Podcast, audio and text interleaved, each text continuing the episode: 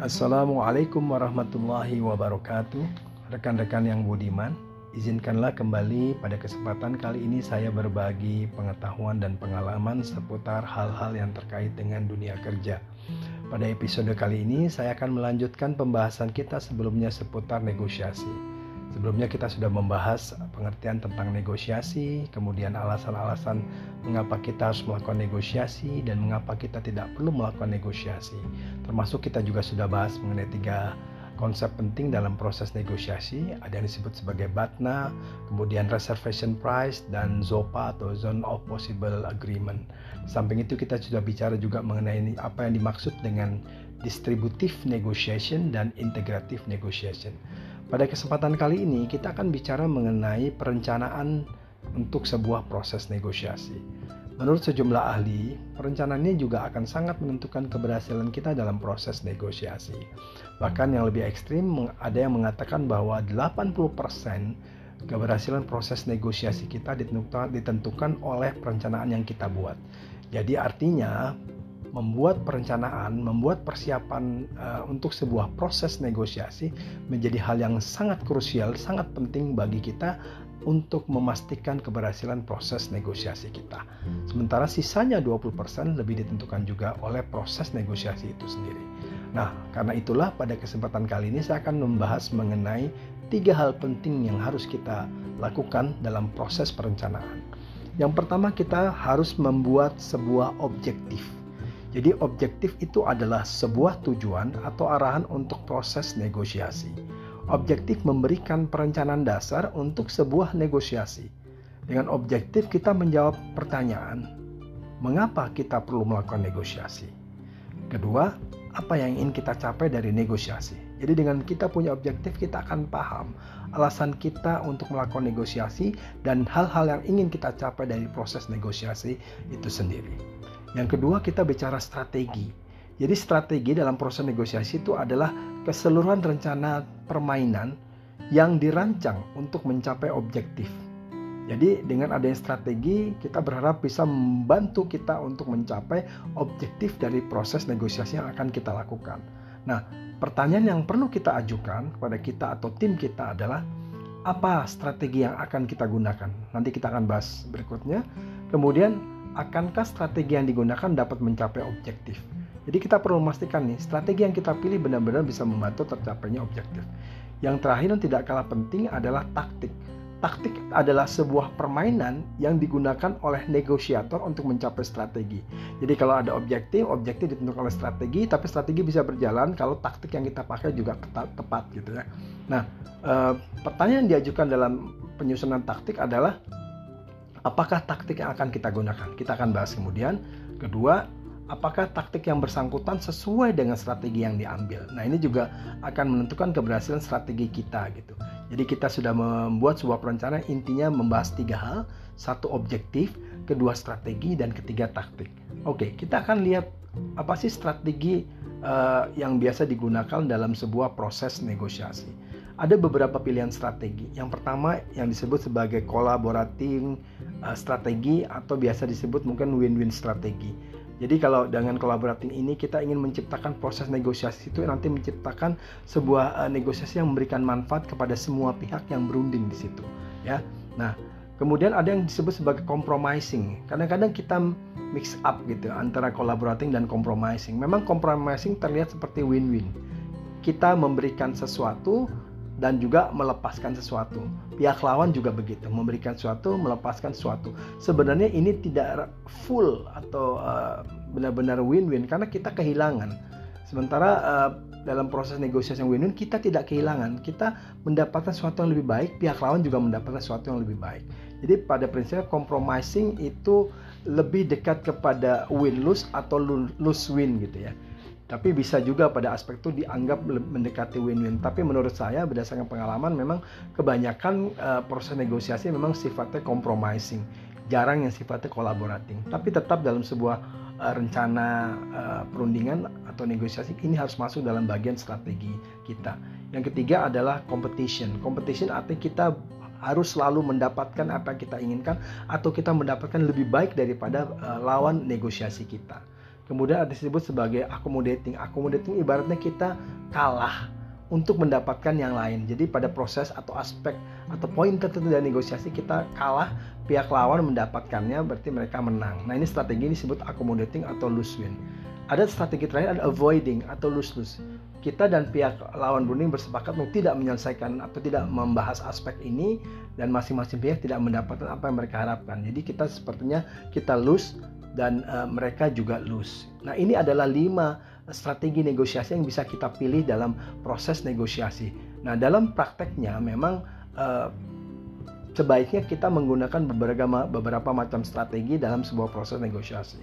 Karena terkadang memang tidak selalu kita harus menang, pihak lawan kalah. Terkadang kita juga harus kalah, pihak lawan menang. Kadang-kadang kita harus kompromi. Nah, makanya dalam proses perundingan kadang-kadang strategi ini bisa uh, digunakan berbagai variasinya gitu ya. Yang berikutnya taktik. Ada beberapa taktik yang umum dilakukan dalam proses negosiasi. Yang pertama disebut penetapan agenda atau dalam perundingan itu disebut tata tertib atau aturan main. Ini aturan main ini akan menentukan sebenarnya ke keberhasilan dalam proses perundingan. Contoh aturan main yang sangat menentukan misalnya ditetapkan bahwa uh, hanya boleh satu orang yang bicara dalam proses negosiasi. Jadi hanya juru bicara dari masing-masing pihak. Ini sebenarnya penting karena apa? Kalau ditentukan seperti itu berarti tidak semua orang boleh bicara. Nah, kalau tidak semua orang boleh bicara artinya proses negosiasi bisa dikontrol dengan baik. Sehingga ada apabila ada rencana untuk mengacaukan proses negosiasi dengan interupsi dan segala macam tidak boleh dilakukan kecuali melalui uh, juru bicara masing-masing tim perunding. Nah, ini contoh bagaimana agenda akan menentukan keberhasilan proses negosiasi. Atau misal gini, dalam proses negosiasi tidak boleh ada gangguan-gangguan dari masing-masing uh, pihak ya, baik di dalam uh, ruang perundingan maupun di luar ruang perundingan. Ini juga penting karena uh, kalau tidak akan mengacaukan mengacaukan proses negosiasi. Nah, ini diatur melalui agenda. Taktik yang kedua adalah bluffing. Bluffing jelas ya, menipu ya, menipu seolah-olah saya punya sesuatu yang hebat yang bisa mengalahkan Anda atau menekan Anda atau sebaliknya saya seperti tidak punya apa-apa sehingga sepertinya lawan kita akan terpengaruh dan mencoba menyerang pada saat menyerang uh, dengan argumen-argumen tertentu atau dengan opsi-opsi tertentu ternyata mereka justru pada akhirnya mereka terjebak uh, dengan tindakan mereka. Nah, ini disebut sebagai bluffing. Kemudian deadline. Nah, deadline itu membuat sebuah target waktu tertentu kepada pihak lawan ya agar dia mengambil tawaran kita atau kalau mereka menolak mereka akan uh, rugi. Misal contoh gini, kalau Anda tidak mengambil uh, produk kita sekarang, Anda tidak akan mendapatkan dengan harga yang bagus yang kita tawarkan pada saat ini. Kalau Anda mengambilnya besok atau lusa harganya sudah akan berubah gitu. Sehingga pihak lawan berunding akan merasa, waduh, saya ambil sekarang atau enggak ya? Kalau saya ambil jangan-jangan ini tipuan nih. Sebenarnya tidak seperti yang disampaikan. Tapi kalau saya nggak ambil saya rugi nih karena uh, besok mungkin harganya sudah lebih mahal. Nah ini adalah bagian dari deadline. Kemudian di art of concession. Dalam setiap perundingan atau negosiasi selalu harus ada yang kita berikan, ada yang kita dapat. Jadi give and take itu menjadi bagian penting dalam proses negosiasi. Tinggal kita atur ya, mana yang mungkin kita berikan jangan terlalu merugikan kita, yang kita dapat juga juga jangan terlalu kecil dari yang kita harapkan. Ini adalah bagian juga taktik negosiasi yang disebut sebagai art of concession. Good guys, bad guys ini jelas ya. Dalam proses negosiasi kadang-kadang muncul orang-orang yang sepertinya orang-orang yang galak, orang-orang yang menjebalkan, orang-orang membuat proses negosiasi menjadi tegang. Tapi di sisi lain di grup uh, lawan berunding kita juga ada orang-orang yang sangat santun, sangat baik, berusaha menenangkan semua anggota timnya supaya proses negosiasi menjadi berjalan lebih uh, damai gitu. Nah ini sebagai bagian dari strategi, ada yang bermain peran sebagai orang jahat, orang galak, ada yang bermain peran sebagai orang baik. Tujuannya apa? Mempengaruhi emosi kita, membangun emosi negatif pada pihak kita atau pihak lawan bahwa seolah-olah kita ini uh, partner negosiasi yang baik, partner negosiasi yang tidak merugikan eh, masing-masing uh, pihak gitu ya. Kemudian ada yang disebut sebagai distraction. Nah, distraction ini bisa terjadi nih, misal dengan gangguan-gangguan di luar sidang atau gangguan lain di dalam sidang misalnya oleh orang-orang uh, anggota tim, tim perunding yang suka menanyakan hal yang nggak relevan dengan uh, mungkin uh, poin-poin perundingan atau bertanya sesuatu yang sudah dibahas gitu. Nah, ini bisa diatur sebenarnya pada saat kita membuat agenda atau tata tertib perundingan gitu ya. Kemudian ada yang disebut sebagai asking question. Kadang-kadang bertanya itu menjadi bagian juga strategi untuk melemahkan lawan supaya apa? Supaya mereka capek, letih dengan pertanyaan-pertanyaan kita sehingga membuat uh, konsentrasi mereka buyar gitu. Apalagi kalau proses perundingan sudah berlangsung berhari-hari sehingga pihak masing-masing pihak letih. Nah, ketika masing-masing pihak letih, mereka mungkin lalai gitu atau mungkin terlena sehingga menyepakati sebuah uh, tawaran perundingan yang sebenarnya merugikan mereka pada akhirnya gitu ya.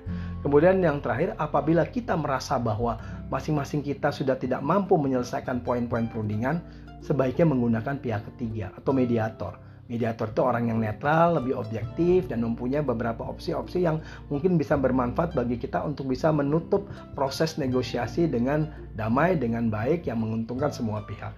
Nah, ini adalah taktik-taktik yang biasa digunakan dalam proses negosiasi. Nah, kemudian bagaimana sih sebenarnya proses negosiasi yang efektif gitu ya?